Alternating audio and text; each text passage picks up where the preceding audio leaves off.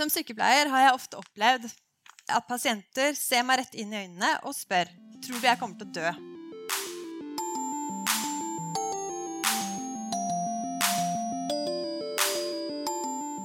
Hei, og velkommen til Sykepleiens podkast, som i dag handler om håp. 22.1 arrangerte Sykepleien en paneldebatt om dette temaet på Kulturhuset i Oslo i forbindelse med utgivelsen av et temanummer om håp. Debatten ble ledet av Sykepleiens egen temaredaktør, Liv Bjørnhaug Johansen. Velkommen eh, hit til Kulturhuset i kveld. Og også velkommen til dere som kjører buss eller tar oppvasken mens dere hører på podkasten som vi spiller inn. Eh, veldig glad for at dere er her, og at dere er interessert i dette litt vanskelige temaet. Eh, bakgrunnen for at vi har samla folk her i dag, er dette her temanummeret, som heter eh, 'Er det alltid håp?', som eh, kom ut nå rett før jul. det tenker man. Eh, Temaet ble, ble foreslått faktisk allerede i 2016 av en av journalistene våre. Og da kjente jeg ganske umiddelbart at det er et tema jeg hadde veldig lite lyst til å jobbe med. Eh, jeg syns det er et veldig vanskelig tema. Og jeg syns også det faktisk er et litt ubehagelig tema. Og det er jo alltid et godt utgangspunkt for å gå i gang med et prosjekt. Eh, og det er som sykepleier at jeg har opplevd håp som et vanskelig tema. Det er lett å si mye pent om viktigheten av håp. Og våre yrkesetiske retningslinjer så fastslås det også at sykepleieren skal understøtte håp hos pasienten. Men så er virkeligheten ute i klinikken sånn at det vi ofte har å by på, det er dårlige nyheter og dystre framtidsutsikter. Å informere, det må vi uansett. I pasientrettighetsloven så står det at pasienten skal ha den informasjonen som er nødvendig for at han skal få innsikt i sin helsetilstand og i innholdet i helsehjelpen han mottar.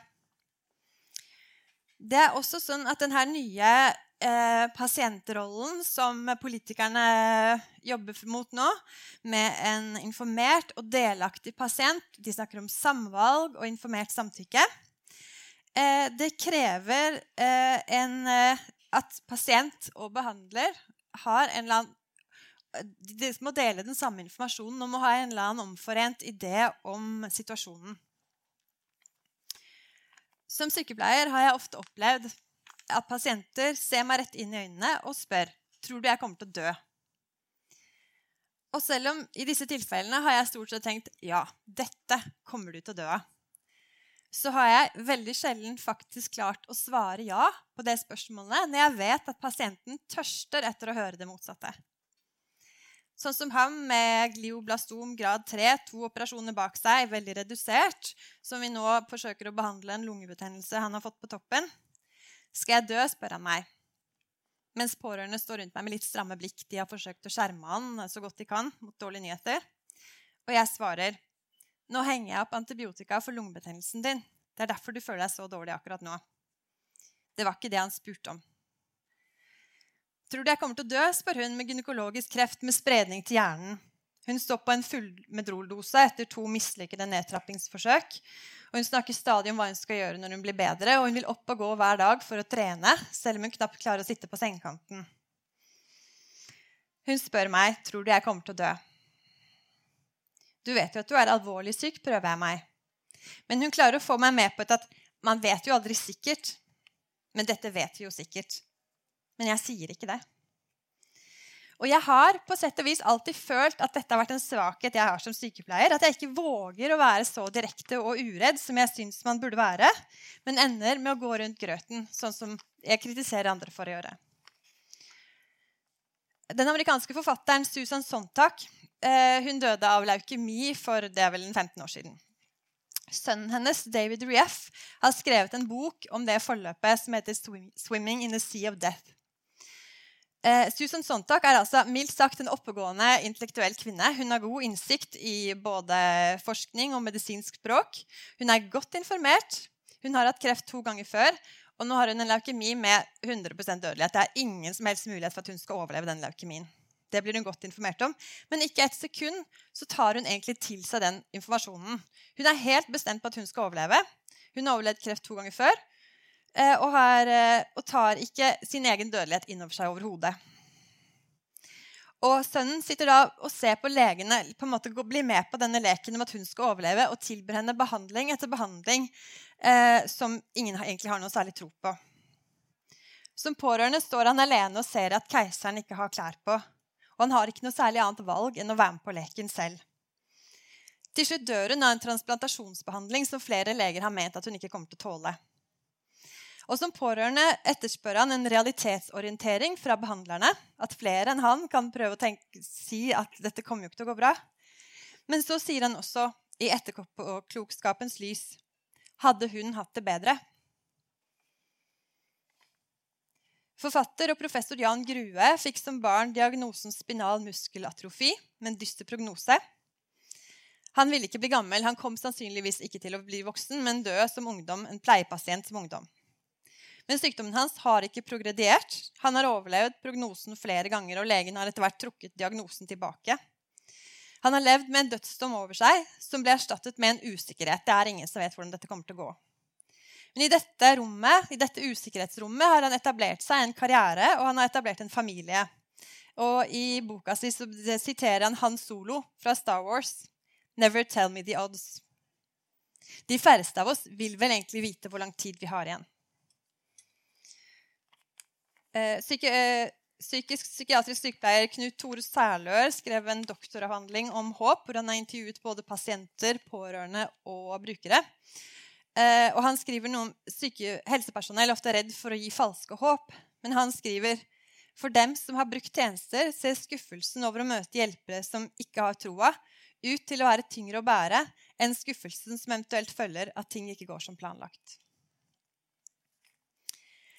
Da vi startet dette arbeidet, så trodde jeg på sett og vis at konklusjonen på dette temanummeret ville være kan vi snakke mer om realitetsorientering og mindre om håp?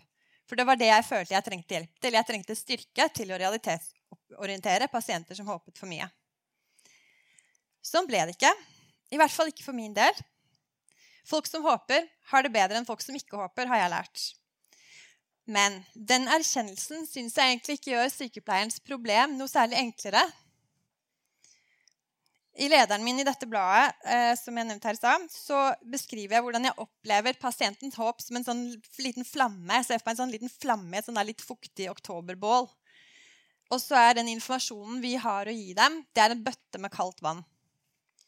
Og så er kunsten da, å presentere flammen for dette innholdet i bøtta uten å slukke den. Det er ikke lett. Men i kveld har vi vært veldig heldige, så har vi med oss et panel her som skal komme opp på scenen ganske snart.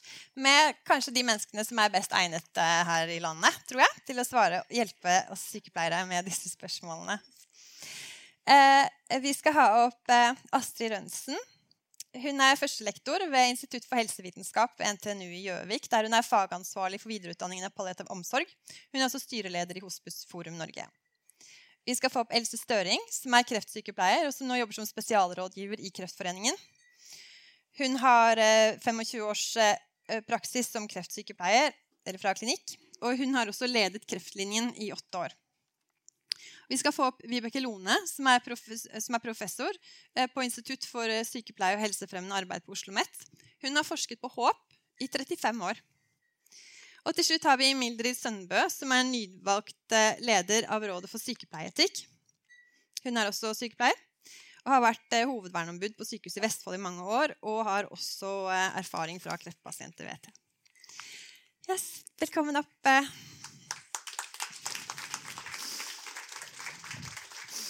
Skal vi overskue?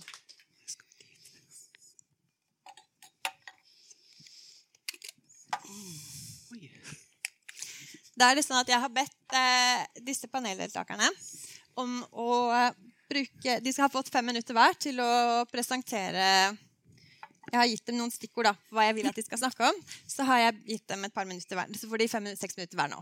Så da skal Mildrid få lov til å begynne. Vær så god. Vil du helst sitte, eller kan jeg stå? Du kan stå disse fem minuttene hvis du veldig gjerne vil det. Så er det helt greit. Jeg følte meg så bitte liten. Av en eller annen grunn. Kanskje jeg er mindre enn jeg tror.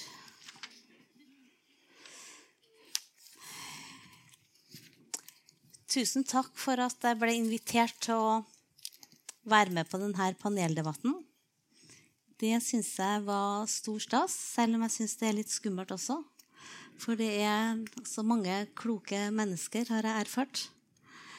Eh, og jeg vil gi en stor honnør til tidsskriftet Sykepleien at de arrangerer sånne kvelder som det her. Det er veldig, veldig, veldig bra.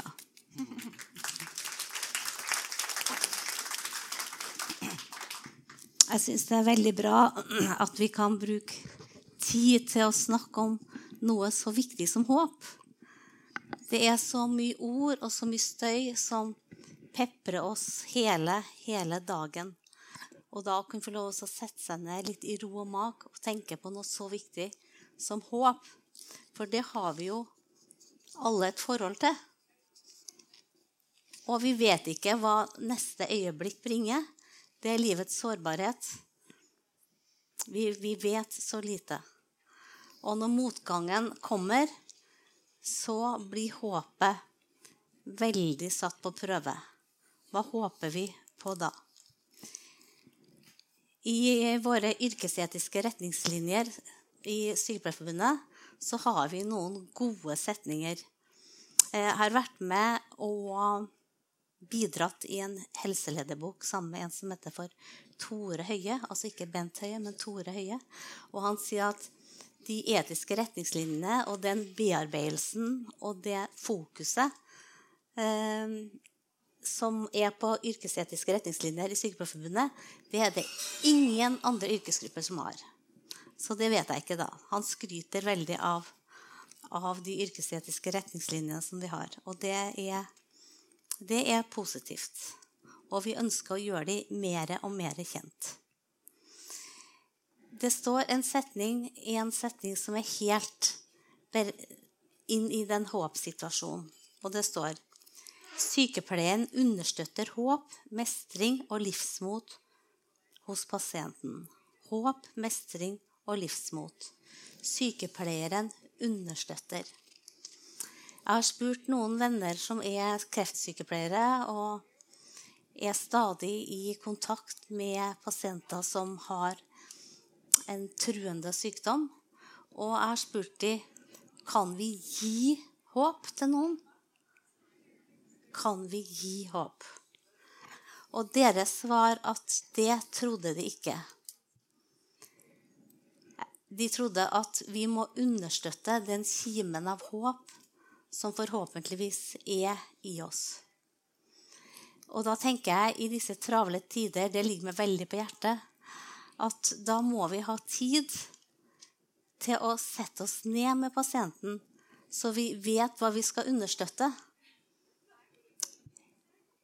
Fordi at det kan være et lite, lite lysglimt som trenger litt bedre forhold. Og det kan vi være med å gi.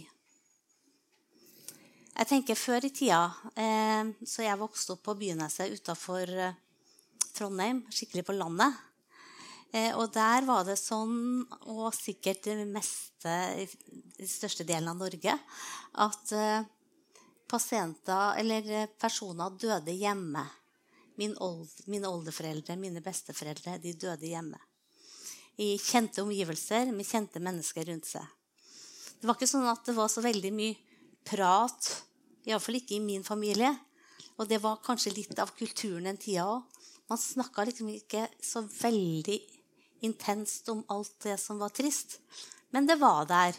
Kanskje mer som en naturlig del av hverdagen. Mine besteforeldre var eldre, gamle, og de døde med sine kjære rundt seg. Og så har det gått én og to generasjoner, og nå er det ca. 13% som dør hjemme.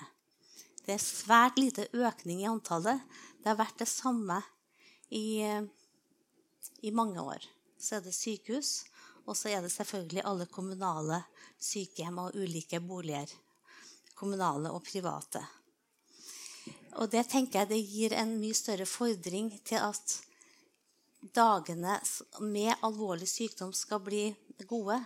Det krever at vi som sykepleiere har kompetanse til å møte pasienten. Fordi det er så mye lettere å møte sykdommen. Hvordan har du det? Har du vondt der? Få kjenne blodtrykket. Å ja. Å ja, nei, det er vel ikke noe sånn aortanorist. Ikke så ille. Nei, nei. Eh, og hvordan er hodepina? Å ja, vi må skifte på CVK-en her. Vi forholder oss alt til det som er rundt sykdommen. Men så er det selve lidelsen.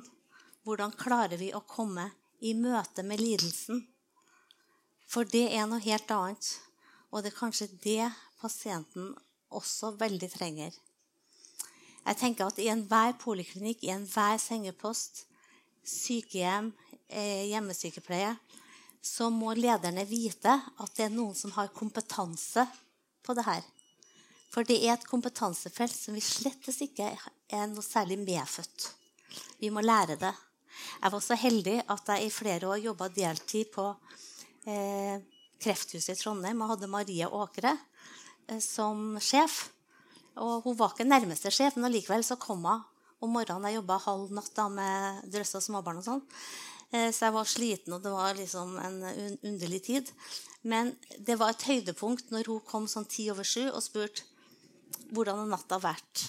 Har det vært noe dødsfall? Har det vært barn involvert? Burde dere ha gjort noe annet? Hva er refleksjon? Og en refleksjonsgruppe, det burde det være, være overalt. Fordi at da blir vi klokere vi, kanskje, vi blir litt klokere av å tenke òg, men vi blir enda klokere ved å uttale ord høyt og få et gjensvar. Det er jeg helt, helt overbevist om. Den franske filosofen Emanuel Levinas, Levinas han snakker om det følsomme språket i møte med andre. Og det må også læres. Det følsomme språket må læres. Og det krever en fortolkning. En fortolkning som en sjøl må gjøre. Eh, min gestaltterapeutvenninne som sitter der, Sigrid, hun sier hele tida ja, men Mildrid, du blir jo til i møte med den andre. Ja. Men hvis ikke det møtet går så godt jeg tenker, Der har vi også en fordring. Hvis vi kjenner at vi ikke når frem til pasienten, så skal vi be noen andre ta den plassen. Fordi det er så viktig at vi kan kommunisere godt. Eh, det er viktig at vi erkjenner grenser for egen kompetanse som sykepleiere. Og det er viktig når prognosene er dårlige, at vi klarer å balansere. Eh, pasientens autonomi står sterkt. Så hvis ikke pasienten vil vite, så kan vi ikke overstyre det. Hvis pasienten ikke vil at pårørende skal få opplysninger, så kan ikke verken leger eller sykepleiere overprøve det. Men det er de færreste. Jeg har, snakket, jeg har spurt flere leger i det siste hvor ofte de har vært borti det. Og de har snakka med, iallfall det noen få ganger. Så de fleste vil vite og de vil vite prognoser og vite hvordan det mest sannsynlig dette her kan gå. Nå må du runde av. Ja. I alle fall så er det det som ligger på mitt hjerte, det er at vi må få kompetanse på å kunne møte andres smerte. For jeg tror hvis ikke vi klarer å møte andres smerte, så kommer vi ikke dit hen at vi kan understøtte det håpet som ligger kanskje gjemt der inne. Og det må vi bare være oppmerksom på, og det må vi gi beskjed om til våre ledere. At uh, sånn må det være. Det må være sånn i kommunehelsetjenesten, og det må være sånn på sykehuset. Yes.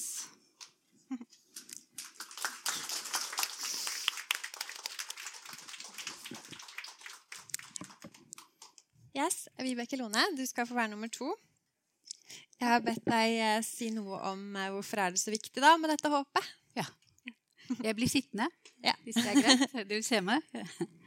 Tusen takk for uh, invitasjonen. Og jeg syns det er strålende at dette fokuset på håp, som jeg har vært opptatt av i 35 år, um, og som jeg har studert, og som jeg har fortsatt tro på, da. Uh, mitt oppdrag i dag er å snakke om to ting innledningsvis. Hvorfor er det viktig å håpe, og hva skiller pasienter som håper, fra dem som ikke gjør det. Jeg var nylig i en begravelse mer sønderrivende og sårbar enn vi kan forestille oss. Som når en avgrunn plutselig åpner seg, og vår skjørhet er alt vi har av beskyttelse. En ung jente i 20-årene valgte å avslutte sitt liv. Den ultimale håpløsheten, destruktiviteten, de desperasjonen, tausheten, stillheten er alt som er tilbake. Hvor var håpet? Var håpet å få slippe lidelsen? Eller var lidelsen helt uten håp? Min kollega Mai Vatne har intervjuet selvmordsnære mennesker, og hun skriver om livsmot, tillit, håp og skyld som iboende krefter i oss mennesker, og at håp og livsmot kan vekkes i møte med krevende livsutfordringer. Men når utfordringene oppleves uoverkommelige og livskraften svekkes heller enn å styrkes, kan selvmordet vurderes å være den eneste løsningen som kan lindre lidelsen. Helsepersonell snakker om falske håp. Men hva er sant når det gjelder fremtiden? Og hvorfor snakker vi aldri om falsk håpløshet? Jeg har aldri hørt om det. I dagens teknologiske virkelighet bombarderes vi med skremmende nyheter om kriger og flyktninger, om store miljøkatastrofer og om klimakrisen fra hele verden. Aldri har vi mennesker trengt håp mer enn det vi gjør i dag. For pasienter og pårørende er diagnoser og prognoser bare et tastetrykk unna og tilgjengelig for alle. Noen diagnoser er en ren dødsdom. Hvordan kan vi informere om fremtiden uten å drepe håpet? For dersom vi mister håpet, så mister vi retningen, kraften og troen på livet. Når vi mister håpet, så gir vi opp, og vi slutter å kjempe for det vi tror på. Men fremtiden er alltid usikker, Derfor er det viktig å ha en ærbødighet overfor alt vi ikke vet med sikkerhet om fremtiden. Fordi den som har håp, får kraft til å fortsette. Som forsker har jeg skrevet om tro, håp og vilje. Håpet er fremtidsrettet. Troen bærer håpet, og viljen gir håpet retning og kraft. Mennesker som håper, er aktive. De søker kontinuerlig etter løsninger. De tror at forandring er mulig, og de kjemper daglig for sitt eget håp og for sin tro. Håpet får frem det beste i oss, og håpet produserer glede uavhengig av hvorvidt håpet går i oppfyllelse eller ikke. Det er godt å tenke på håpet. Den som håper, har det derfor bedre enn den som ikke håper. Selv om jeg forstår at det også gjør det enda vanskeligere, som du sa. Hva skiller pasienter som håper, fra de som ikke håper? Jeg har spurt kreftsykepleiere om deres erfaringer med kreftpasienters håp, og de fortalte bl.a. pasienter som håper, leter etter muligheter. De er mer levende og har økt interesse for omverdenen. De har større drivkraft og mer pågangsmot. De er mer villige til å ta sjanser, f.eks. prøve nye behandlingsmetoder. Og de tåler mer smerte. Videre er de fremtidsrettet, og de har mer viljestyrke. Samtidig har pasienter som håper, mer tillit til omgivelsene, f.eks. helsepersonell, sykepleiere. De søker fellesskapet, som er det motsatte av ensomheten. De er mer utadvendte, og de er mer åpne, ifølge kreftsykepleierne. Avslutningsvis har jeg lyst til å fremheve at da jeg fulgte pasienter etter ryggmargskaden gjennom fire år, så fortalte de meg at de aldri hadde snakket om håpet med sin familie eller med sine venner fordi de var redde for at dette ville såre de nærmeste sine egne tanker og følelser. Dette perspektivet mener jeg styrker sykepleierens ansvar i møte med fortvilte pasienter. Vi må trene på å lytte, som du sa, eh, etter pasienten og pårørendes gryende håp. Og jeg vil også hevde at vi som sykepleiere må bidra til å styrke og skjerme pasienters håp så lenge det finnes ørsmå muligheter for lindring av smerten og lidelsen. Håpets kilder er lengsler og savn. En ung kvinne drømte om å løpe rundt på grønne enger om nettene, for så å våkne opp til rullestolen og marerittet på dagtid. Drømmene representerte håpet hennes, og for der fant hun styrken og kraften til å fortsette å trene. Det kan ta under ett minutt for oss helsepersonell i ren ubetenksomhet å rive hodet vekk fra pasienter og pårørende. Og det kan ta måneder og år å bygge det opp igjen. Ifølge en kjent amerikansk håpsforsker som jeg skal slutte med, som heter Violet, på 70-tallet, eh, sa det slik at sykepleiernes primære funksjon er å utstråle ekte håp.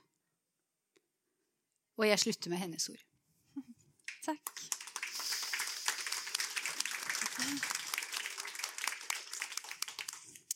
Astrid er nestemann ut, neste kvinne ut. Jeg eh, ba deg komme hit fordi eh, du er eh, i, med for palliasjonsperspektivet. Og så fortalte du meg når vi hadde mm, e-postkontakt, at du akkurat har vært gjennom en prosess der du har mistet moren din, mm. og at du vil gjerne si noen ting om det. Og da tenker jeg at ja, når folk vil si noe om oss, så er det helt sikkert verdt å høre på.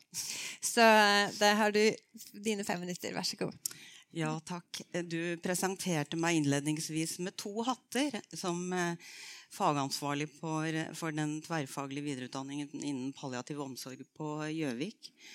Eh, og som styreleder for Hospiceforum Norge. Men den ene hatten som jeg vil putte på i tillegg, det er at jeg fortsatt er sykepleier ved, ved sykesenga. Jeg jobber på en, en avdeling for eh, alvorlig syke og døende og familiene deres. Eh, og det er en liten stilling på 14,1 14, og det er noe av det, noe av det jeg holder hardest i for å ikke slippe. For det er så viktig for meg å kjenne på den hverdagserfaringen eh, de andre stedene jeg går. Eh, og den siste hatten har jo du for så vidt introdusert nå, Liv, med, med pårørendehatten.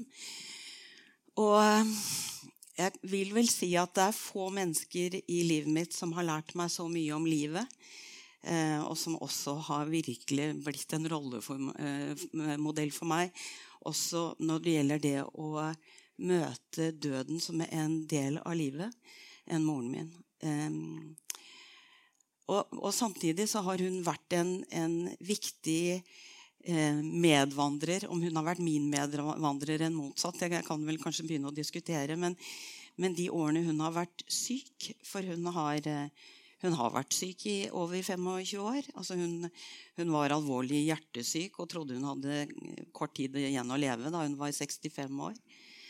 Det trodde hun også. Da var hun 83 år og hadde en avansert kreftsykdom hvor hun hadde veldig dårlig prognose. Og så blir hun altså 90 år. Eh, så du kan si at det hun har eh, eh, levd godt på, da, det var jo det som ikke var Eller som ble noe annet enn de realitetene som hun eh, hele tiden har måttet forholde seg til. Så hun har fått mye bonustid, moren min. Og det vil si, vi har fått mye bonustid sammen. Eh, du snakka om Byneset og, og, besteforeldre, Mildred. Eh, mor hadde også et stort håp, og det var å kunne fortsette å leve hjemme. Og hvis det var mulig, dø i sitt eget hjem. Og det fikk hun. Ehm, og jeg tror kanskje at det er noe av det som gjør at det er eh, godt for meg å sitte her. Det er ikke så mange dager siden. Ehm, det er to dager etter at vi fikk den nye folkehelseministeren. Det fikk moren min med seg. Og lurte på hva jeg mente om det. Ehm, men, men, men altså, det er 31 dager siden mor døde, faktisk. Og når det, er, når det går an å sitte her i dag og snakke om det eh, sånn som jeg tror jeg gjør, så er det nettopp fordi at det ligger så mye glede i at det ble sånn. Altså, det var et håp som ble virkelighet. Um, og det, det, er jeg kjempetakknemlig for. Hun hadde også en bekymring til. For det er klart, håp er jo knyttet til noe som man ikke vet. Jo, du vet mye om dette, Vibeke. Eh, og mor hadde en bekymring rundt om den siste tiden ville være smertefull. Det var hun ikke så redd for. Eh, andre plagsomme symptomer var hun heller ikke så bekymra for, bortsett fra hun var veldig bekymra for å ikke kunne puste. altså Hun skulle slite med pusten. Og det hadde hun noen erfaringer med. Så det, det var noe av det usikre som hun hadde med seg helt inn i døden, og som hun eh, kunne ha sluppet å bekymre seg for, for det ble ikke sånn. Hun hadde en, eh, en veldig eh, rolig avslutning på livet. Um, når jeg har gått ved siden av mor, så har jeg vært med på mange runder. Hun hadde én stor bekymring. Altså hun hadde et, stor, et håp om å være hjemme. Og hun hadde én stor bekymring i forhold til å bli lagt inn på sykehus. Så kan jo det høres underlig ut. Altså, de fleste er glad for at det er sykehus å, å, å ty til når man blir syk. Men for mor så representerte det, som hun sa, da blir det starten på slutten. Da mister jeg kontrollen. Og det er klart at Hun var ikke redd for å dø. I hvert fall sa hun at det var ikke det hun bekymra seg for. Men hun var redd for å miste seg sjøl underveis. Eh, å bli lagt inn på sykehus som en eh, gammel dame eh, med nedsatt hørsel. Hun var nærmest døv hvis batteriet var ute av øreapparatet. Eh, og hun fikk en erfaring på at hun hadde rett. Det var én runde vi hadde innom en poliklinikk. I løpet av disse sju årene hvor hun ikke har vært innlagt på sykehus, så har hun hatt én poliklinikktime. Og den, dit dro hun. altså En, en karkirurgisk poliklinikk på Hamar. Og det var nærmest for å, å, sørge for at fastlegen hennes var trygg på at det var en second opinion i forhold til noe sår på noe tær. Det var ikke fordi hun sjøl ønsket det, men hun tenker ok, vi tar den turen. Så vi sklei rundt Mjøsa på en av de glatteste dagene på Innlandet. Og som min venninne beskrev etterpå, du har dårlige odds når du sitter i en rullestol, ser ut som du er like gammel som du er, altså hun var da 90, ikke hører, da blir du fort tatt for å være noe annet enn det du er. Mor var en svært oppegående dame på alle måter. Og jeg måtte parkere bilen i mellomtiden. Da ble hun behandlet deretter når jeg kom tilbake igjen. Det var, eh, det var mye læring. Forferdelig grusomt for mor og for meg. Og det eh, besøket ble akkurat så kort. Så det var, vi hadde felles interesse med den poliklinikken. kan du si. At der ble vi ikke et sekund mer enn vi trengte. Men det bekrefta for mor og for meg nettopp det hun var mest bekymra for. Altså det å møte et effektivt helsevesen i en situasjon hvor du eh, er avhengig av at folk har tid. At de behandler deg med respekt. At de evner å lytte inn til hva du faktisk kommer med, og hva du tenker og tror. Eh, hun hadde ingen eh, forhåpninger om at det eksisterte, og vi fikk den erfaringen underveis. Nå ser jeg på deg at nå begynner tiden å gå litt. Men etter at mor døde, så har jeg besøkt en av hennes beste venninner på Toten. Og jeg fant henne til slutt på en korttidsavdeling på sykehjemmet. Hun er av de som ikke har klart å holde seg unna trafikken som handler om forflytning hjem, sykehus, korttidsavdeling på sykehus og hjem igjen. Og når jeg møter henne, så sier Aud jeg er på et 72 timers opphold her på sykehjemmet. Og da visste ikke hun hvor neste forflytning var, om det var hjem, på sykehuset, eller hvor den da måtte være. Ehm, det er med å kvele håpet for folk. Og nå snakker vi om de mest sårbare blant oss. Gamle, som også er syke, gjerne multisyke. Eh, det er jeg veldig opptatt av i øyeblikket. Mm. Takk.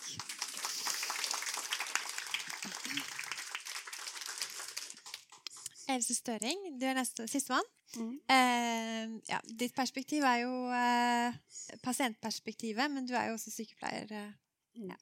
Så vær så god. Eh, tusen takk for invitasjonen. Det var veldig spennende og litt skummelt å bli invitert og skulle komme hit. For her er jeg sikker på at det sitter folk i salen som har eh, like mye erfaring som meg. Men jeg vil gå tilbake til da jeg ble sykepleier. For da var min første praksis på St. Olav, på en gynekologisk avdeling, hvor vi hadde in vitro-fertilisering, eggstokkbetennelse, kreft Ja, alt innenfor gynekologi. Og der lå det jo kreftpasienter. Unge, vi hadde flere unge jenter med livmorhalskreft på alder med meg sjøl som lå og skulle dø. Og jeg var livredd. Og det, og det, ble sånn at det ble jo de pasientene som fikk minst besøk. fordi at du var så redd, for du Milde, snakka om kompetanse. Jeg følte ikke at jeg hadde livserfaring, jeg følte ikke jeg hadde kompetanse. Og jeg turte ikke å stå i det sammen med dem, for jeg visste ikke hva som kom, og jeg visste ikke helt hvordan jeg ville reagere sjøl.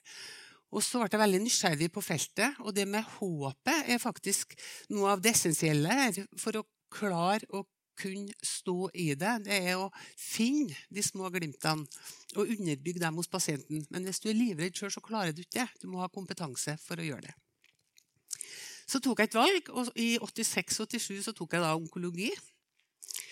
Eh, og det var et fantastisk år, og det gjorde meg rusta på en helt annen måte. Ett år gamlere hadde jeg blitt, det hjalp det òg, når jeg kom tilbake.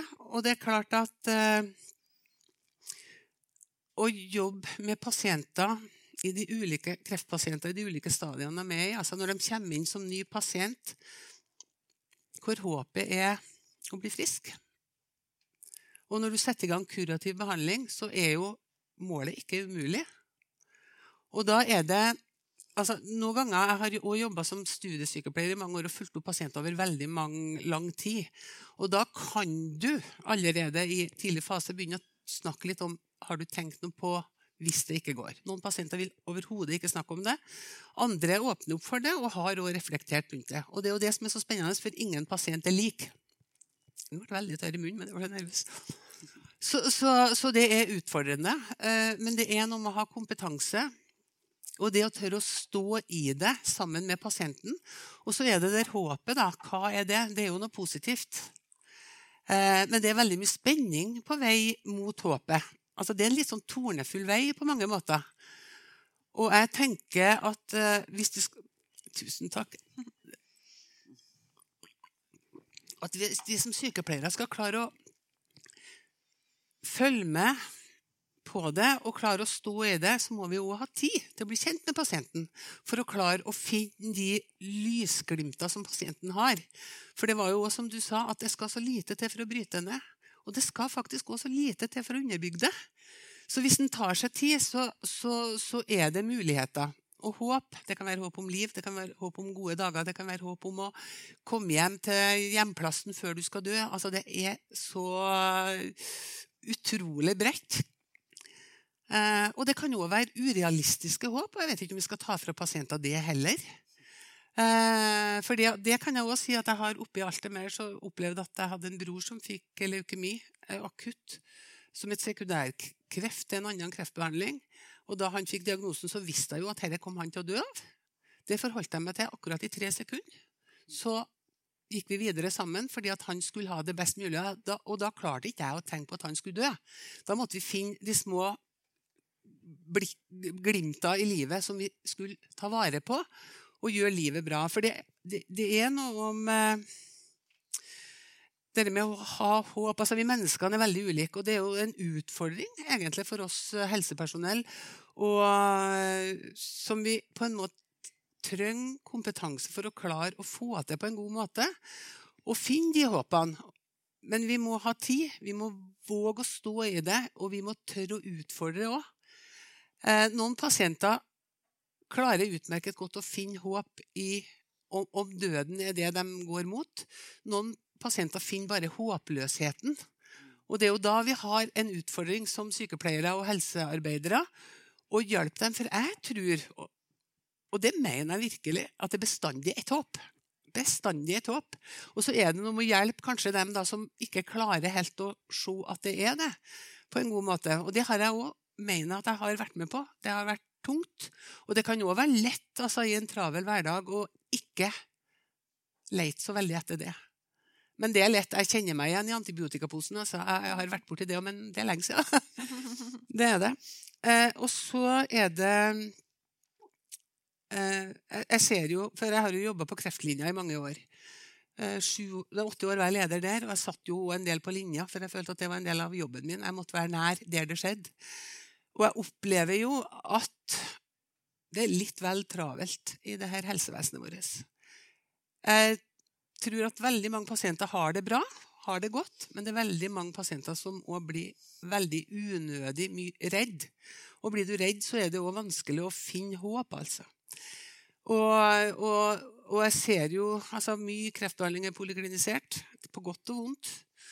Eh, det blir sikkert noen penger å spare, men eh, det blir òg en del eh, fortvilelse og lidelse i kjølvannet av det.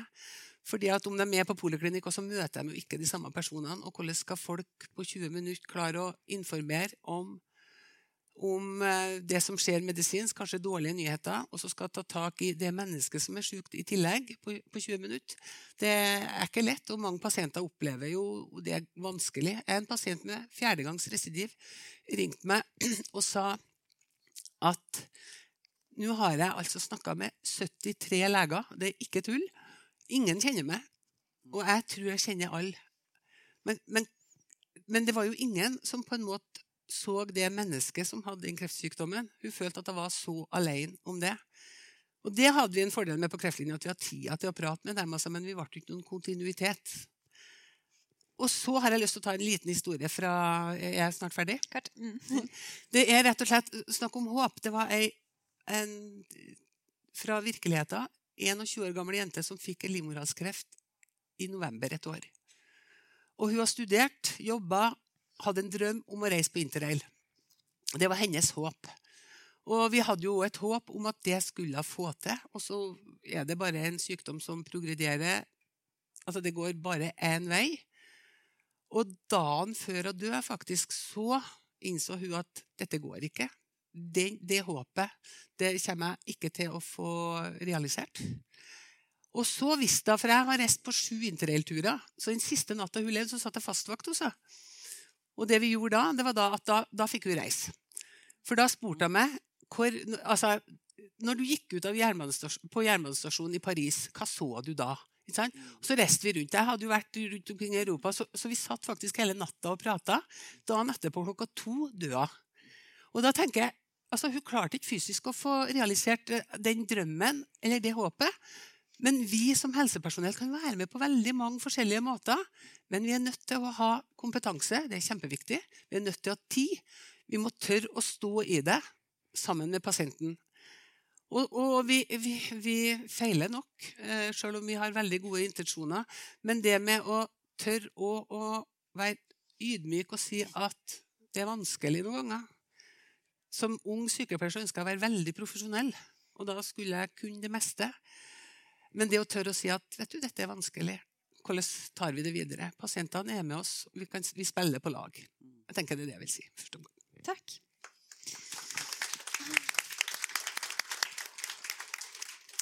Det bringer meg ganske fint over til et tema jeg hadde lyst til å snakke om, som du nå lagde en god løsning på, men som jeg tenker uh, ofte allikevel uh, er vanskelig. Nettopp med Du er, har skrevet at det fins ikke noe som heter falske håp. Det skal du få lov til å si noe om. Men uh, urealistiske håp, kan man snakke om det? Ja, altså um, mitt, mitt, poeng er vel egentlig at fremtiden alltid er usikker. Mm. Så å si noe realistisk altså Hvis man skal snakke realistisk i dagens helsevesen, så er det vel statistikk. Altså prognoser som er statistiske gjennomsnitt. Det er kanskje ingen som akkurat lever så lenge, men, men statistikken sier om det er kort eller langt. Det kalles vel realisme. Men så fins det jo da, som jeg tenker, mirakler, og livet er ikke helt til å fatte. Så mm, dette med urealistiske håp Det er klart, håpet kan være mer og mer sannsynlig, pleier jeg å bruke. Eller mer eller mindre usannsynlig. Eh, realisme, det, det, det, er jo litt sånn individuelt hva som er realistisk for den ene og den andre. Men, men, fremtiden Jeg tenker at fremtiden vet vi ikke noe eksakt om. Uansett hvor mye vi studerer og forsker. Det vet vi ikke noe eksakt om. Og det betyr, tenker jeg, at vi må ha en ærbødighet overfor hva vi sier. Når pasienter og pårørende, sårbare mennesker, spør oss hvordan blir fremtiden, så tror jeg det er viktig å si at den kan ingen si noe eksakt om. I ditt eksempel, eh, denne som, gutten som spurte om han skulle dø Altså, vi skal jo alle dø, men det som er vanskelig å si, er når og hvordan. Det, det er på en måte, syns jeg, en kjerne, et kjerneperspektiv når det gjelder håp. Så av og til tror jeg helsepersonell går rundt og sier ting som de tror er riktig, som om det er sannheter. Og jeg tror, hvis jeg kan bruke to setninger til eh, Da jeg jobbet på Radiumhospitalet, det er lenge siden, da var jeg veldig ung. og Da, da jobbet jeg på cytostatikavdeling, og der var det masse gutter og menn, små og store gutter og menn som da fikk cancer testis og døde. Alle døde. De kunne ikke helbredes. Da var det to gutter omtrent på min alder. Unge gutter, de hadde vært syke like lenge, de var like gamle osv. Og, så og den ene gutten, han ville leve. Den andre orket ikke mer. Og de døde med et halvt års mellomrom. Og det er ganske mye i en sånn situasjon. Og da trenger jeg vel ikke å si hvem som levde lengst. Det er kanskje innlysende. Det var han som ville leve. Eh, men eh, har, jeg, for eksempel, jeg jobbet innen nevrologi, og da var det jo en del av disse ryggmargskadde, særlig menn, som du også har skrevet om. Og de skal alltid opp og gå. Når de kommer, uansett. Det er helt åpenbart at det ikke er noe følelser, det er ikke noe bevegelse. Men de lover de skal ikke ha noe trappeis, ikke snakk om nargaterapeut hjem til dem, for de skal opp og gå. Og da tenker jeg at det også er en utfordring for å planlegge behandlingen framover. Um, og da kommer dette problemet med realitetsorientering inn. Da Da har vi denne bøtta med kaldt vann og denne lille flammen. Hvordan håndterer vi det? Ville du realitetsorientert en ryggmargskadd som ikke vil ha besøk av ergoterapeuten fordi han mener at han skal opp og gå? Ja, ja, det var et nytt spørsmål, men jeg fikk litt lyst til å si litt til den. Altså i dag, Dette med ryggmargskade de kan jo rett og slett opp og gå med hjelp av elektronikk. da, Som er en sånn helt ny ting eh, som vi har lest litt om i avisene. Um, men, um, men um, dette med å gå Alle jeg intervjuet, og jeg fulgte det jo uh, Det var både kvinner og menn, unge og gamle. Alle skulle gå. Og det gå begynte jeg å tenke alle skal gå. Det er jo åpenbart at alle kommer ikke til å gå. De hadde jo mer eller mindre skader og mer eller mindre nivå av skadene også. Og så begynte jeg å tenke på hva betyr å gå. Og det å gå, det er rett og slett å reise seg fra denne stolen og gå. Når du ikke går, eh, så kan du bevege deg, men på helt andre måter. Så liksom metaforen å gå, det er som når ettåringen reiser seg. Og verden åpner seg på en helt ny måte, og de eier en helt ny del av verden. Så, så jeg tror det der å gå er, er, en metafor for en type frihet, bevegelighet og osv. Og, og det er mulig ikke det var svar på spørsmålet ditt, men det var min assosiasjon. Komplisering av spørsmålet. Ja, det er vel det professor skal gjøre. Det var, det var, eh, liksom min assosiasjon til dette med å gå. Hva det egentlig betyr. Det er jo det mm. vi gjør når vi analyserer tekst. altså Hva betyr det? Det de sier, hva betyr det? Hva handler det om? Og da tror jeg det handler om mye mer enn å reise seg opp og, og ta beina fatt på et vis. Da. Mm.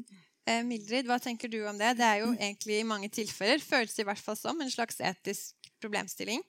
Med denne balansen mellom realitetsorientering og håp. Ser du det sånn? Det er jo en vanskelig balanse. Eh, for eh, pasientens autonomi står så høyt.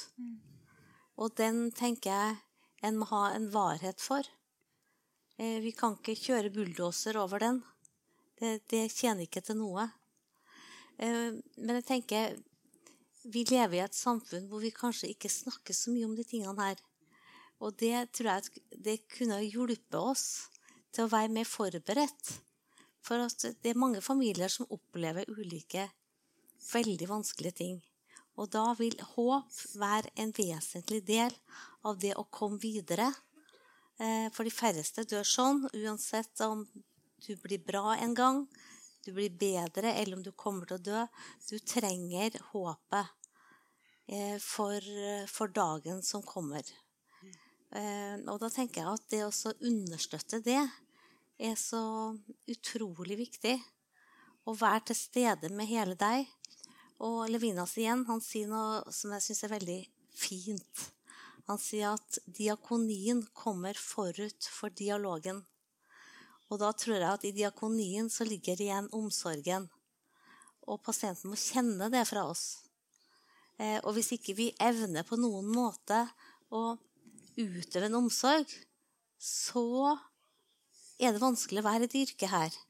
For det står også i loven at vi skal utøve omsorg. Så da må vi heller finne en ja, Rema eller en annen hvor man ikke trenger så mye omsorg. Jeg, treng, jeg tenker det her er liksom et så viktig del av sykepleiergjerningen. For alt det tekniske, det kan vi lære. Eh, og jeg snakka nettopp med en lang samtale med en jeg kjenner som har vært alvorlig syk. Og han sa det var så forskjell. Han har, han har notert alt, altså det kommer vel en bok. Eh, men eh, han er dyrlege sjøl og har litt greie på noe, men det var litt annerledes å bli veldig, veldig alvorlig syk. Og så forskjell det er på de sykepleierne som har 80% fokus på det tekniske og de som har 80% fokus på han og 20 på det tekniske. Det var en så stor forskjell. Og hvordan man snakker, hvordan man tar, hvordan håndtrykket er, hvordan blikket er. Han sa når han var så dårlig, så han tenkte ikke én tanke på hva som lå frem i tid. Han tenkte på dagen i dag. Det var det eneste han hadde energi til. Og da betydde det så mye hvilken lege, helsefagarbeider, sykepleier var det som kom inn. Og han håpa på Han lærte seg navnet, for han var flere, flere uker på det her sykehuset. Så han kunne navnet på det og bare håpa på at den og den skulle, skulle komme inn. Det ga han håp for dagen. Og en dag han var forferdelig forferdelig nedfor og tenkte at nå klarer jeg ikke mer, eh, så kom legen på legevisitt og da sa han nesten ingenting. Han bare så han dypt inn i øynene og sa ikke gi opp. Du må ikke gi opp. Og det, det var to setninger som bare brant seg fast. Nei. Da var det liksom den mannlige styrken som fikk full blomst. Han skulle ikke gi opp. Så det, det er veldig mange brikker i i en uh, pasients hverdag på et sykehus. Men at de skal være omsorgsfulle og gode, det hadde vært veldig, veldig målet. Og at de ikke skal møte 75 forskjellige. Jeg trodde det var slutt på det etter at Per Fugli skrev om det. Nei, det hjalp ikke det heller. Mulig at det hjelper, men eh, det skjer fortsatt. Det skjer fortsatt. Um, Eh, Astrid, i, dette var det første temanummeret vi ga ut. 'Når er det nok?' het det. Da inviterte jeg deg til å skrive noe om dette med overbehandling innen, eh, fra, sett fra eller skal vi kalle det overbehandling? Eh, livsforlengende behandling, da. Ofte med, um, med litt uklar motivasjon. Uh, og du skrev her noe om når um, håpet om overlevelse er det som dominerer, så fører det oss ofte ut i nyttesløs behandling som tilfører pasienten mer lidelse enn noe som helst annet. Eh, kan, det vil jeg gjerne at du sier noe om i denne konteksten. Hvis det er sånn at vi håper på noe som kanskje er Eller at håpet som et problem, da, som fører oss på ut i uh, det her jeg skisserte med Susan Sontag og um, Ja. Ja, og hvis du tror det er lett for meg å svare på det, så er det ikke det. eh, og det har kanskje blitt enda vanskeligere etter at jeg har vært ute og gått. Jeg har gått mye eh, langs pilegrimsleden i Norge. Og jeg har gått de siste fem årene med en dame med en uhelbredelig kreft. Og som trodde hun skulle dø for ti år siden, og lever fortsatt. Og vi er ute og går. Um, og det, dette har vi vært innom på veldig mange forskjellige måter. Og jeg har stilt henne det samme spørsmålet jeg vet ikke, på tusen forskjellige måter. Hva er det som gjør at du går på neste sving og neste sving og neste sving? Altså det eh, eh, Å si ja takk til behandling, sier nei takk til behandling. Hva er det som, som styrer det? Eh, og jeg skjønner jo at det er vanskelig. Men det som jeg syns er det vanskelige også i dette, er jo at hvis det er bare snakk om behandling, ikke-behandling, altså med det for øye å gjøre folk friske, eh, så er det det som får eh, plassen, og det er det som får fokus. Og så tenker jeg, Hvordan kan du da samtidig tematisere det som handler om det som er? Altså, Vi skal jo alle dø. Um, vi skal gjennom en del ting før det er en realitet. Men hvis det er så mye oppmerksomhet på, på aktiv behandling med, med, det for øye, og, og, og, for mange dager eller i håp om å bli frisk til du da blir syk og dør igjen, eller dør igjen, eller skal dø, um, så tror jeg eh, da, Hvor blir det rommet av hvor vi kan snakke om det som er? Um, og det tenker jeg blir, Når jeg hører dine dilemmaer, Liv, så tenker jeg det er ikke vanskelig å kjenne seg igjen i dette. Men hva er det som gjør at vi hele tiden tror at vi må svare? Hva er det som gjør at vi hele tiden tror vi må svare på disse umulige spørsmålene? For i beste fall så kan vi svare ved hjelp av statistikk selvfølgelig, og ved hjelp av hva, eh, hva vi tror er realismen. Og som du sier, Vibeke, det er altså, det, det finnes jo mirakler. Den siste filmen som kanskje alle her har sett, ja. 'Håp', mm. er jo nettopp et eksempel på det. Um, så det som, det som, jeg er opptatt av, er hva, er hva, fører dette til? At vi stadig strekker strikken for hva vi er villige til å sette i gang. Uh, og jeg tror i den artikkelen som eh, du fikk meg til å skrive, skriver jeg også noe om Eh, så lenge det fins en behandlingsmulighet, så ligger det en forventning om at det skal tas i bruk.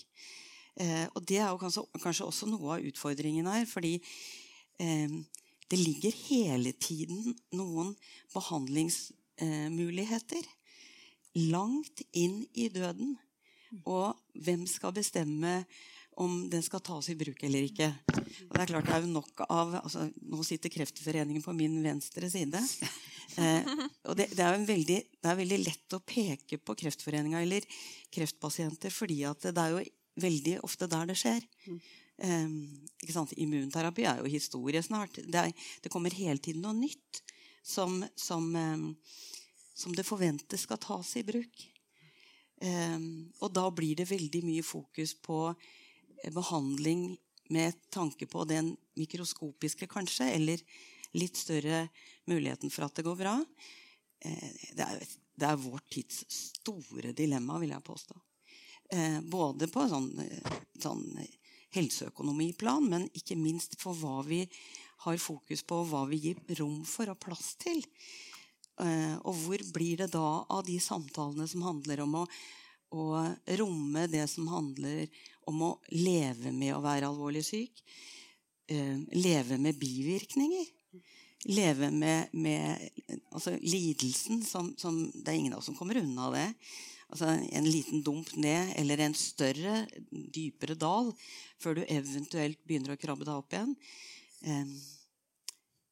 Det tenker jeg det, hvis, hvis, vi ikke gir rom for det, hva er vi da? Altså, er vi, hva er vi som helsevesen da? Hvor blir omsorgen av da? Og hvis vi ikke har omsorg i helsevesenet lenger, eller hvis det blir mangelvaren, ja, da syns jeg det er fryktelig mye vi foretar oss som uh, havner i et veldig brutalt uh, rom. Og det, det, det bekymrer meg veldig. Var det akkurat så diffust? det er et tema som det er vanskelig å få klare svar på. Det skjønner jeg med en gang. ja, det er noe du si. Jeg vil bare tilføye at eh, det skjer så ofte at eh, det blir ikke en livsforlengende behandling. Det blir at man forlenger lidelse. Og det og det tenker jeg det er veldig mange leger og sykepleiere som nå har god erfaring. De har hatt hundrevis av pasienter. Og det er klart man, det er vanskelig å si 100% i legevitenskapen, men man kan si med ganske stor sikkerhet at man er svak, dårlig allmenntilstand til å kunne klare en ny behandling. For det her er jo som, vi vet, som regel kreftpasienter. Men det kan også være andre typer pasienter. Og det tenker jeg det er en, det er en stor etisk eh, greie, altså. Som jeg tenker angår oss i Norge. Eh, fordi at det er legene som bestemmer behandling. Og det tenker jeg at det må mer under lupen. Så, for det kan bli en lettvint løsning, selv om kanskje det er feil å si, så kan det som sykepleier oppleves at ja, vi legger den på intensiven. Vi går mot natta. Vi har ikke noe fastvakt. Der er det alltid ressurser. Og så settes det i gang. Noe som er, er litt vanskelig å avslutte. Så blir det med ledninger, kanskje, og mange mennesker man også skal avslutte. I stedet for at det kunne vært på et rolig rom med, med sine kjære rundt seg. Else? Bare litt uh, i forhold til Jeg snakker jo Altså, jeg kan kreft, da, så det blir det. Men uh, det jeg håper virkelig på, det er jo rett og slett at en kan klare å få inn palliasjonstanken allerede fra dag én. For vi har nok evidens som sier noe om at når du, når du skal gjennom kreftbehandling, så vil aldri livet bli det samme etterpå. Det vil bli eh, bivirkninger, ikke minst seinskader på mye av den behandlinga som gis i dag. Eh, og, og, og, det må tas noe grep for å gå videre. Og Det er klart at det er kjempeviktig at pasienten har tillit til behandlerne. Og jeg tror det er, altså Mange leter på nett fordi at de stoler ikke helt på, fordi at de blir aldri godt nok kjent. Nå blir jeg veldig generaliserende, hører jeg, men, men det er mange pasienter som er der. Hvem skal jeg tro på? For de sier jo ikke helt det samme heller. Og da er det litt viktig at en kunne ha fått altså, Både som leger og sykepleiere, og legene har faktisk en ganske viktig rolle her, dem. Altså. At de tør på en måte å, å, å, løfte og si noe om at behandling er, kan gi deg noen år, men hvordan kvalitet blir det på det, det livet? Eh, som du skal ha. Hvordan kan du hjelpe deg for at du skal ha et best mulig liv? Og litt sånn i forhold til å, å tenke på uh, at uh, altså, behandlingene Vi vet at all kreftbehandling gir utfordringer. Og da er det noe med at Man kunne fått med seg pasienten fra starten av. Ikke alle er der, altså, men det er noe med å ha det som et mål. At, at vi må se på hva gjør behandlinga. Altså, mye av immunterapien det er bare i startgropa. Det skjer det kjempemye nå. Og vi håper jo på at det ikke skal gi bivirkninger, men vi ser jo at det kommer senskader der òg. Så, så, det er noe med å ha pasient, så pasienten er informert, og at, at en kan ha en dialog med pasienten om dette. her. Og jeg håper det at brukermedvirkning eh, blir enda bedre, og at vi kan også snakke om palliasjon fra starten av, altså at det ikke blir noe farlig.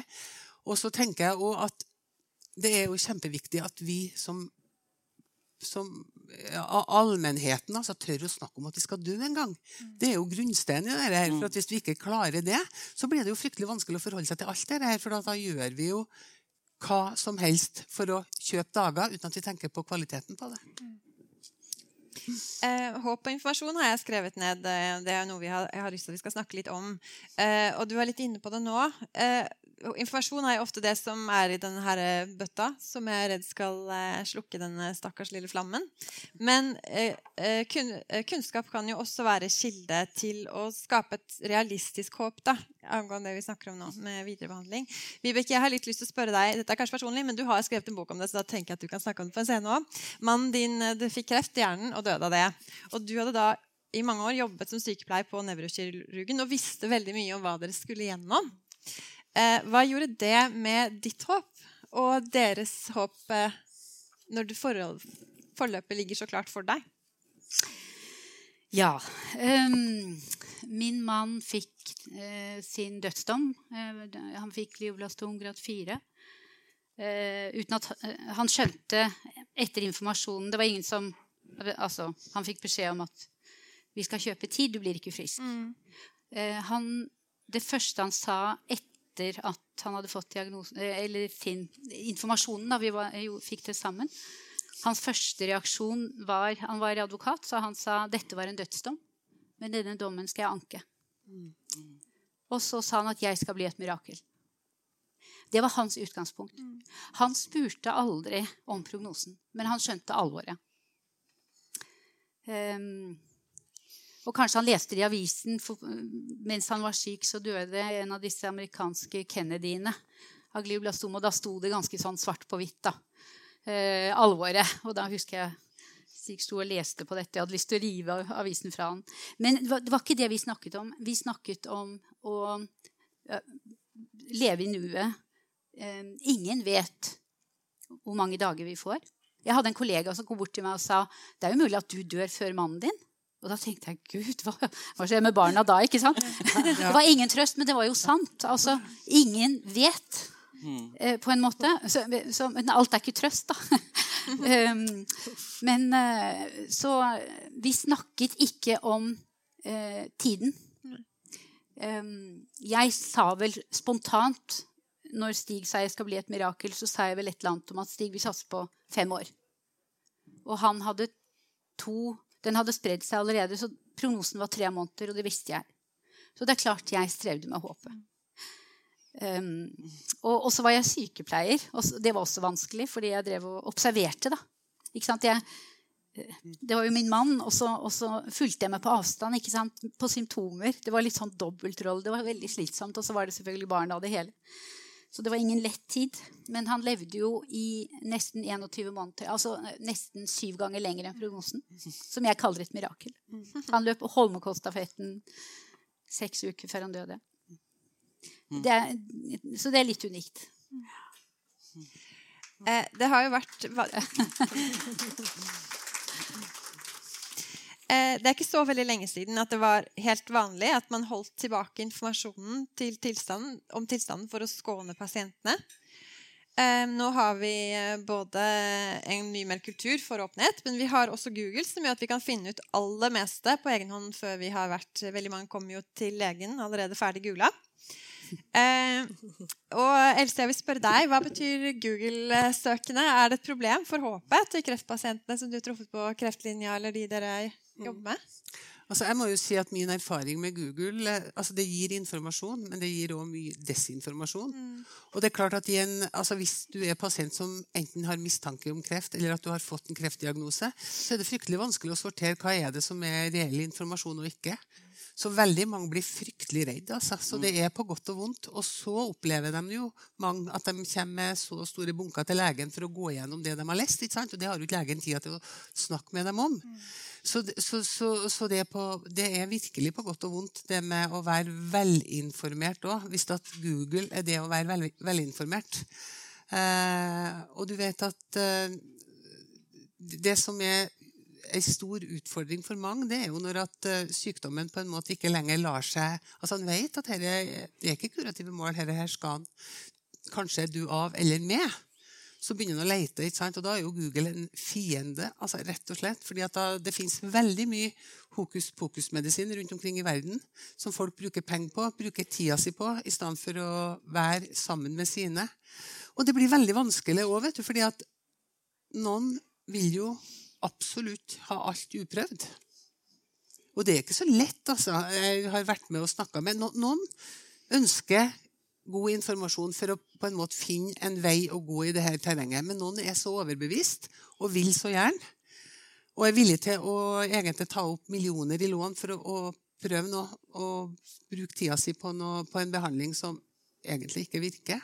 Så Google er på godt og vondt. Det fins òg god informasjon på Google, altså bare så det er sagt. Men, eh, men sånn stort sett så opplever jeg vel at folk blir mer redd. Fordi at de klarer jo ikke å bli egentlig klok på informasjon. Fordi at det spriker en del. Og så er det jo mye av informasjon som ligger der som er vanskelig tilgjengelig òg. Det å, å, lese eh, vitenskapelige artikler er ikke for hvermannsen. Hva er som er god evidens, og hva er som ikke er det? Det, det er ikke lett, det.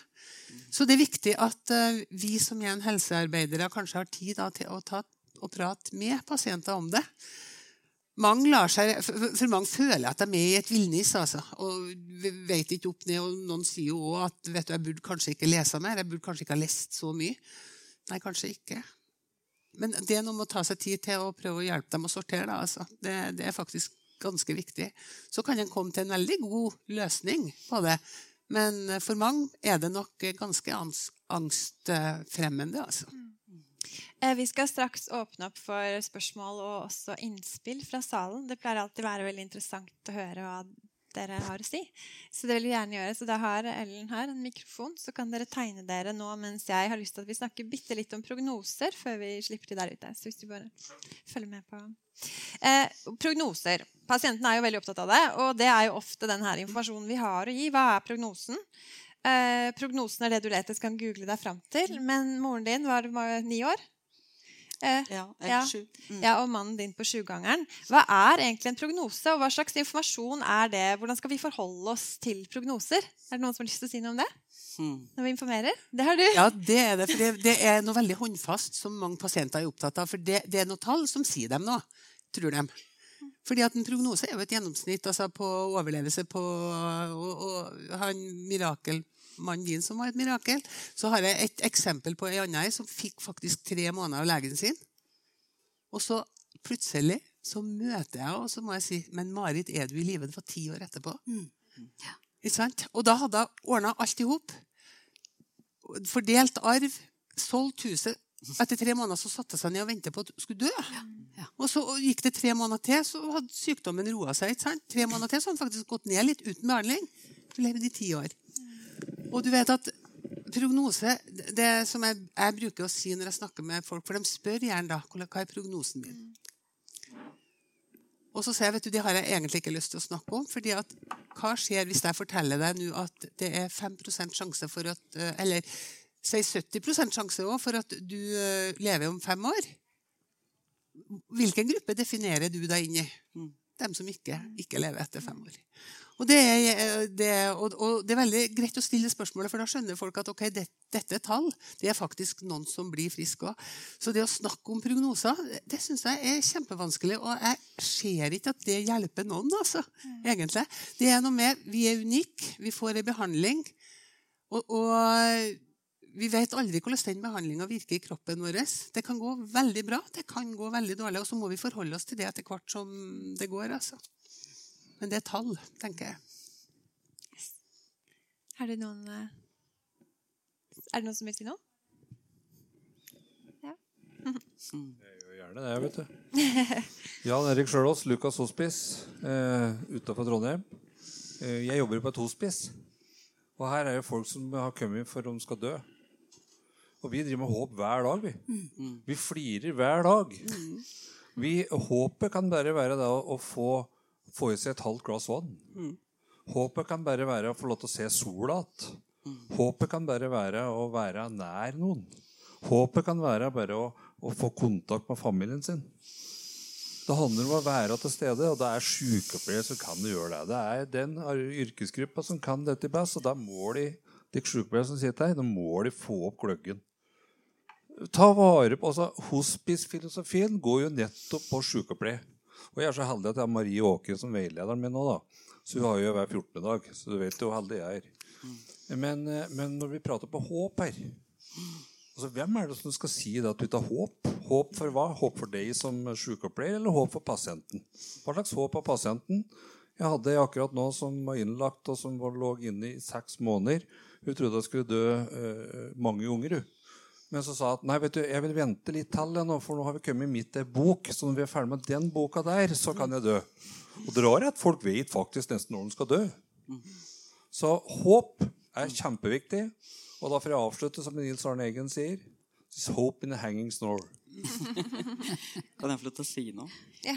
Jo, fordi, eh, takk for innspill, vil jeg si. Fordi at det er så lett for når vi snakker om sånn som dette temaet, så er det overlevelse, eh, eh, livsforlengelse, som, er, som, som lett blir det håpet settes i, i, i, i altså det, det er det som blir bakteppet.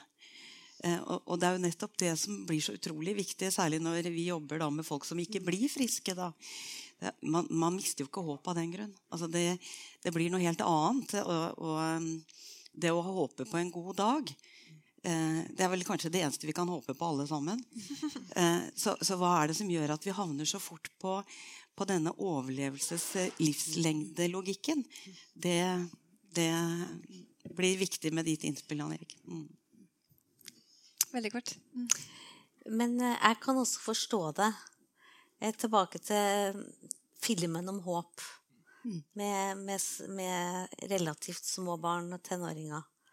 Eh, jeg vil vite eh, Nå ser det ut til å gå veldig mye bedre enn prognosene der. Men eh, jeg, jeg kan forstå at det, når det finnes eh, data på det, eh, og det gjør det jo, og så man, regner man ut et gjennomsnitt, eh, at pasienten vil og har lyst til å høre Er det snakk om tre måneder, eller er det snakk om tre år? Hva skal vi svare da? Jeg tenker at legen vil, legen vil jo ha antagelig en, en cirka eh, en, en cirka antall måneder eller år. Det varierer jo litt. Eh, så da må vi støtte oss på hva vedkommende sier.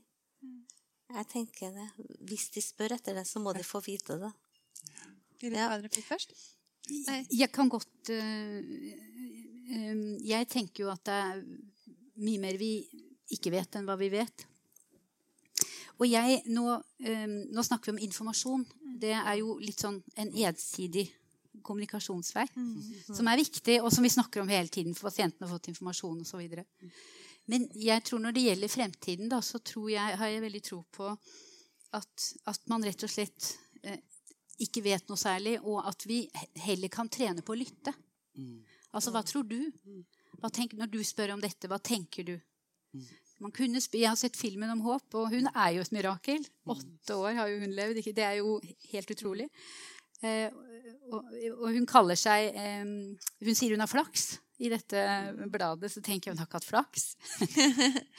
men eh, altså, hun er et mirakel. Men, men, men eh, hadde jeg vært i den situasjonen, det var veldig godt spilt, så er det jo noe med ja, Hva tenker du når du spør? Hva er, hva er ditt bakteppe? Altså at, Ja. at du, du ikke smeller til med tid, klokketid, dager, år. Altså Folk kan jo spørre om ting. 'Jeg må vite', ikke sant? I det stresscenarioet hun levde. 'Jeg må vite, jeg har barn'.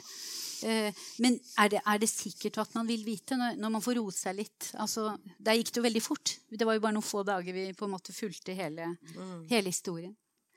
Ja. Det var det.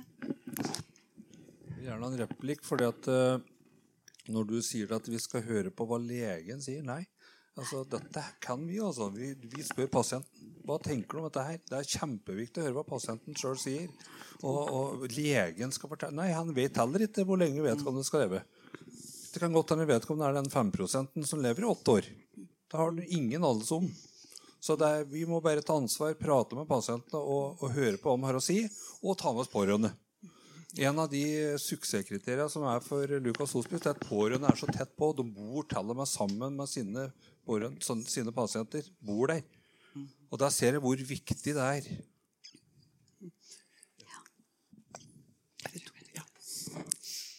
Kjør på. Ja, jeg heter Ingjerd Hynnekleiv og har jobbet på Radiumhospitalet i 25 år. Ehm, eh, på en ganske behandlingsintensiv enhet.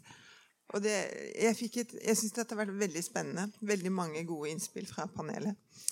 Eh, jeg tenkte litt på det du sa, Astrid. Eller jeg fikk en tanke etter det. om altså, Nå har vi snakket om pasientenes håp, og vi har snakket om sykepleierne. Hvordan de kan understøtte håpet.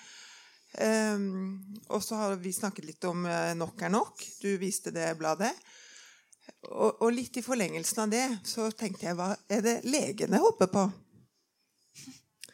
Når de kommer med stadig ny behandling og tenker at kanskje dette kan gjøre noe. ikke sant? Og pasientene gjerne vil prøve alt, men, men noen vil jo kanskje ikke det egentlig. Hvis, man, hvis de tenker seg om, og hvis de på en måte får hjelp til å eh, kjenne hvor er det man står nå, orker jeg egentlig mer? Og det syns jeg at vi veldig ofte ikke tar oss tid nok til. Verken legen eller sykepleieren eller pårørende. Mens pasienten kanskje kjenner at nå er det nok. Nå, nå vil jeg ikke mer. Men likevel så kommer legen med et nytt kort. Prøver dette, prøver dette.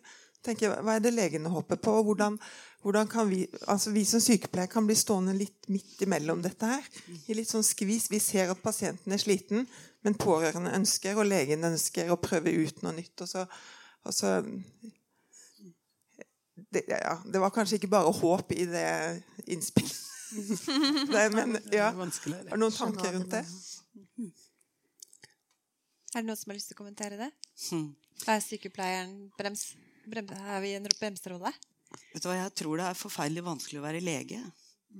Fordi at disse behandlingsmulighetene er, står de jo ikke ansvarlig for sjøl. Altså, det er noe av det som popper opp eh, i det miljøet. Og det å eh, gå inn i en samtale og begynne å sette på stopp-knappen eh, Det handler for det første om tid. Det handler om eh, relasjon til de som er eh, berørt, altså pasienter og pårørende. Og det handler om eh, kollegaer. Em, det tror jeg er en vanskelig øvelse å turnere. Jeg tror det er mange som strever med å gå inn i de dialogene på en eh, måte som de gjerne har lyst til å gå hjem og spise middag til etterpå. Jeg tror det er forferdelig vanskelig. Ja, du også? Jeg vil oppfordre veldig til å bruke klinisk etikkomiteer i sykehuset. Og også Rådet for sykepleieretikk, eh, som vi har i Norsk Sykepleierforbund. Det spørs litt hva det gjelder for noe. Men hvert eneste sykehus har klinisk etikkomité, og de blir ikke overøst av saker. Det kan jeg love dere. Det er å lese på nettet alle saker som de har. De har årsrapporter. Eh, så det vil jeg si spesielt når det er sånn som du nevnte, at eh, sykepleieren kanskje er uenig om eh, videre behandling. Så tenker jeg det er en så bra måte å bli klokere på.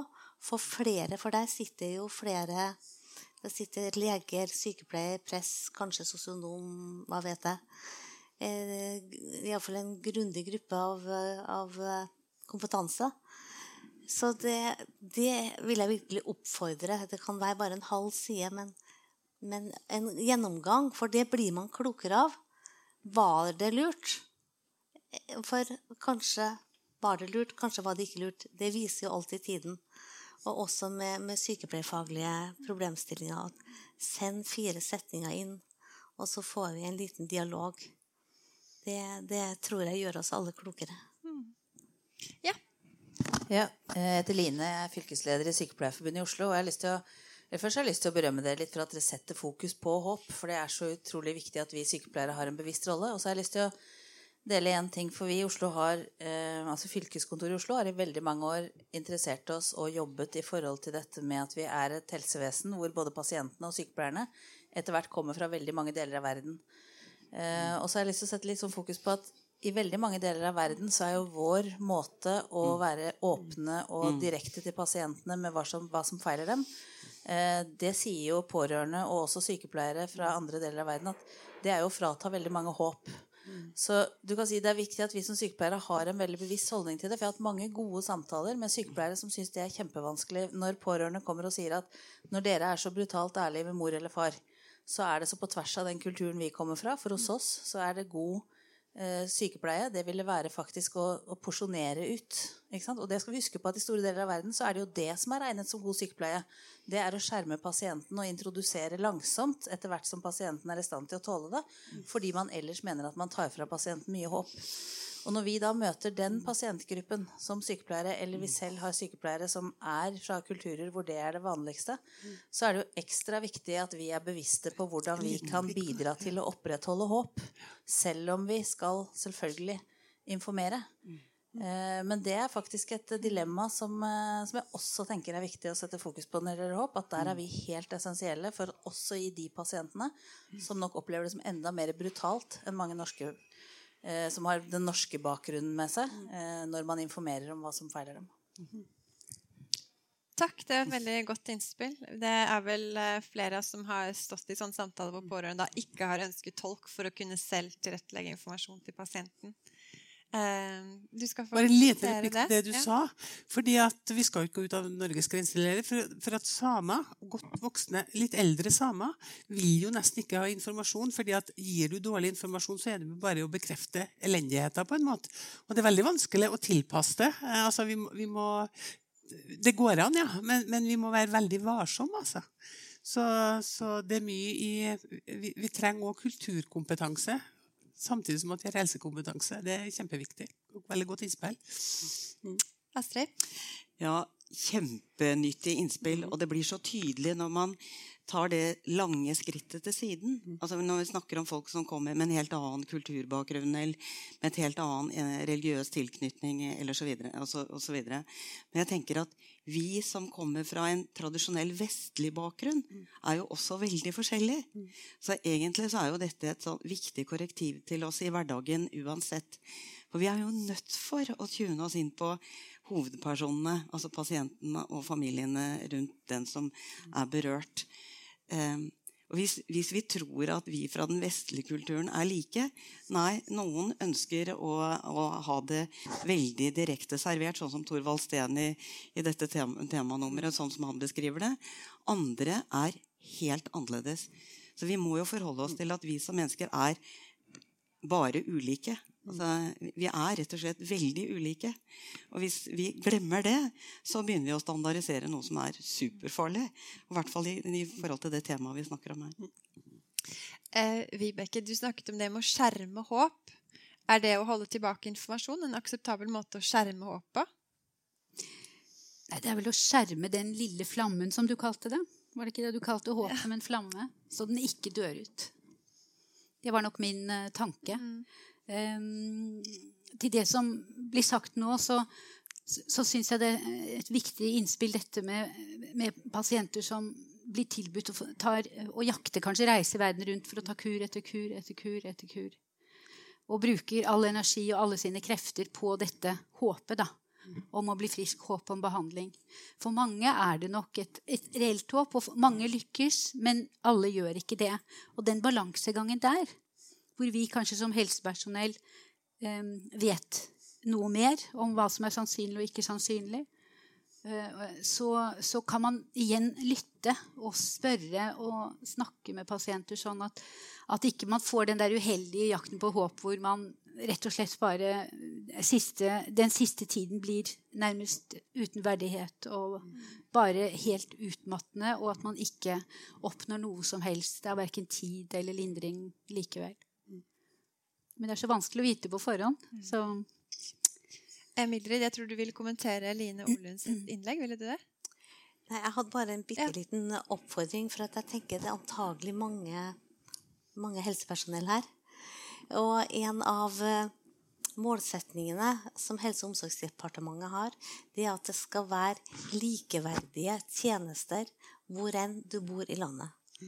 Eh, og det har jeg også tenkt på innad i hvert sykehus, i hver kommune. Eh, for jeg snakka nettopp med en sykepleierstudent som hadde vært på fem forskjellige seksjoner på det sykehuset som jeg jobba på tidligere, og kunne fortelle, det gjaldt spesielt kreftpasienter, hvor veldig mye bedre kvalitet hun opplevde det var å være på onkologisk avdeling. Og det tenker jeg det er en ting vi kan jobbe for. At, at alvorlig syke pasienter de skal ha det bra.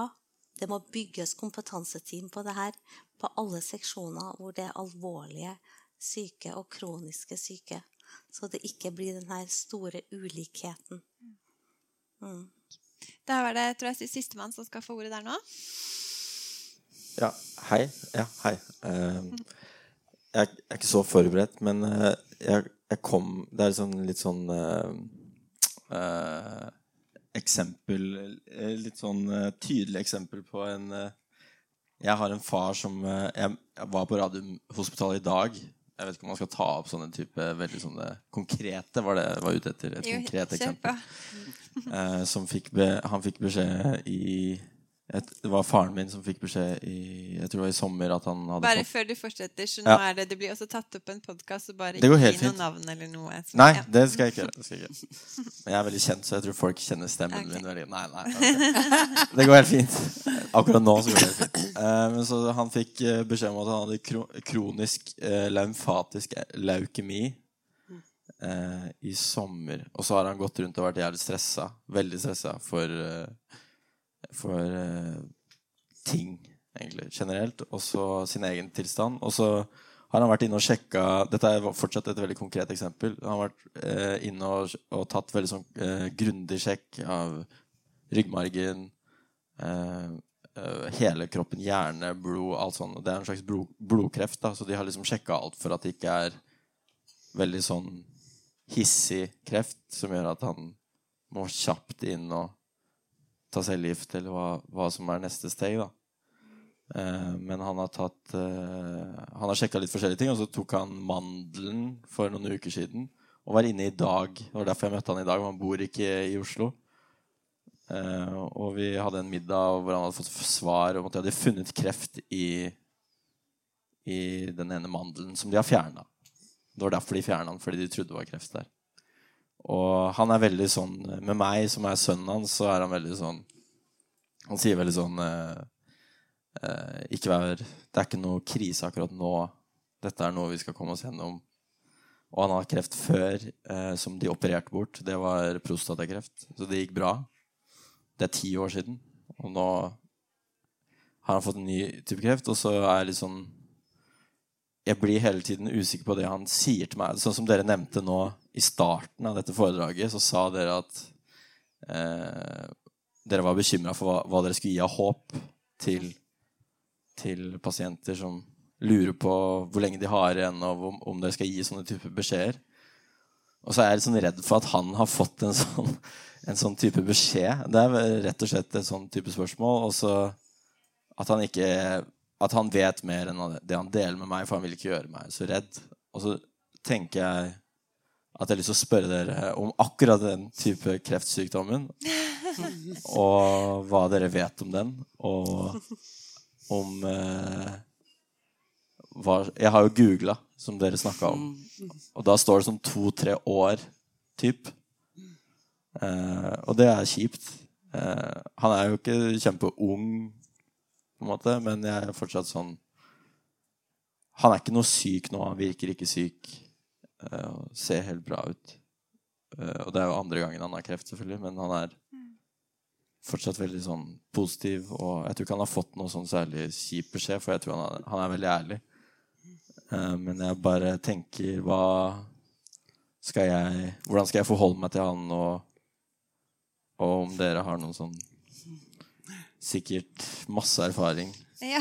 Uh, og jeg vil gjerne bare vite Jeg vil egentlig vite så mye som mulig, men uh, Ja.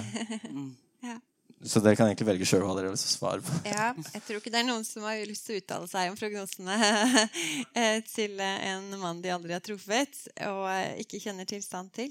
Men kanskje noen har et godt råd å gi deg? Har du lyst til å si noe, Else? Jeg kan godt litt. si noe, fordi det, det nytter jo ikke å si noe om prognosen egentlig. Fordi at det, og det tenker jeg du har skjønt av det vi har snakka om i dag òg. Men det jeg tenker du kan gjøre, for det er ikke helt uvanlig at nærst pårørende, fedre, mødre, understår litt eh, for å, at den skal litt dempe angsten hos eh, spesielt barn. Da. Så det kan skje, Men det du kan gjøre, tenker jeg, det er jo å, å, rett og slett, hvis du lurer på om en forteller sannheten, rett og slett spørre har du fortalt meg alt. Er det noe du, altså Jeg tåler å høre. Jeg blir tryggere av å høre hvordan du har det. Altså Jeg ville ha stilt en spørsmål og prøvd å få oppklart i det. rett og slett. Hvis jeg skulle si noe til deg, så eh, kjenn etter hva som er viktig for deg. Eh, og så går det også an å tenke at eh, dere har fått en mulighet til å ha noen samtaler som vi andre ikke tar. Eh, og det behøver vel ikke nødvendigvis handle om eh, livslengde og å bli frisk-syk. Men det å møte sånne hendelser i livet, det, det gjør at man får en sjanse til å, å, å være nær de man er glad i, på en helt annen måte. Så kjenn etter hva du sjøl trenger. Eh, takk til deg. Da har vi gått eh, fem minutter over tida. Det tillot jeg meg. Eh, men jeg har lyst til avslutningsvis så har jeg lyst til å gi dere en ytterligere utfordring. Eh, så konkret som mulig.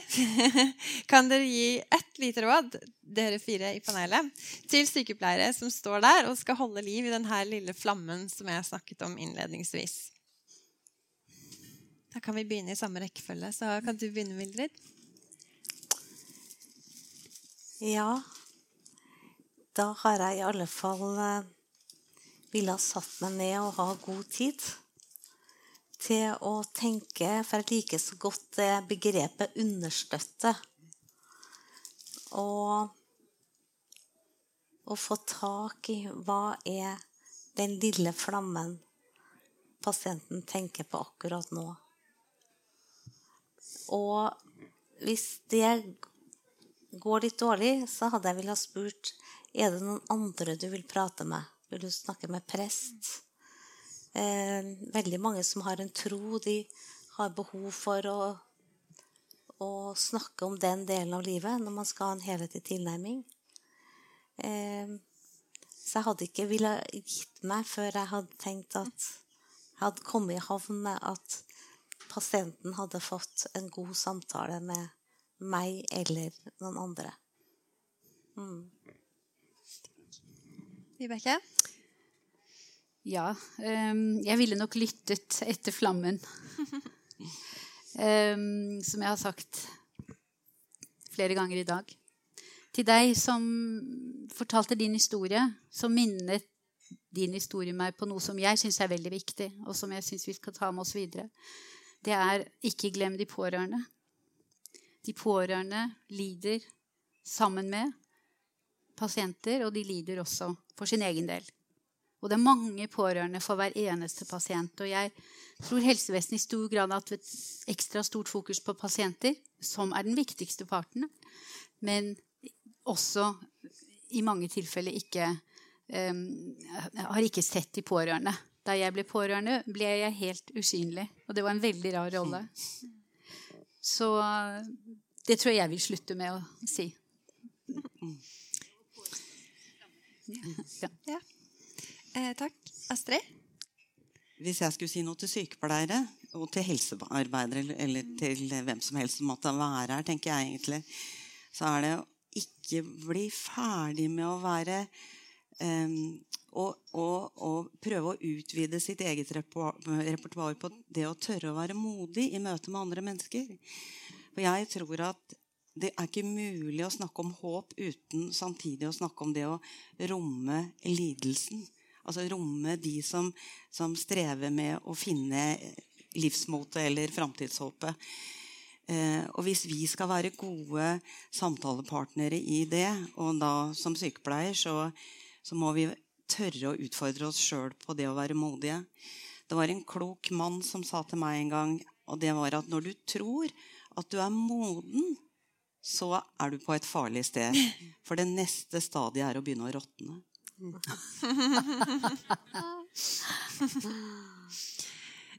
Else? Hadde jeg fått snakka før deg, så hadde jeg også sagt modig. Altså, Vær modig. Vær nysgjerrig. Vær lyttende. Og så må du være oppriktig interessert altså, og tørre å stå i det. Og eh, litt i forhold til det du sa, å være kanskje 75% opptatt av mennesket og kanskje 25 på det tekniske. Da tror jeg du kommer langt som sykepleier. Yes. Da var vi i mål.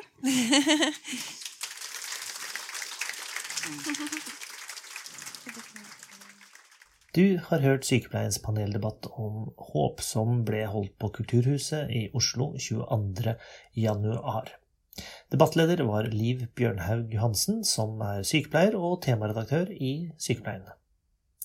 Dersom du vil høre flere episoder av Sykepleiens podkast, så finner du alle på våre nettsider sykepleien.no, via iTunes eller podbean.com eller andre steder der du finner podkaster. Jeg heter Ingvald Bergsagel. Vi høres.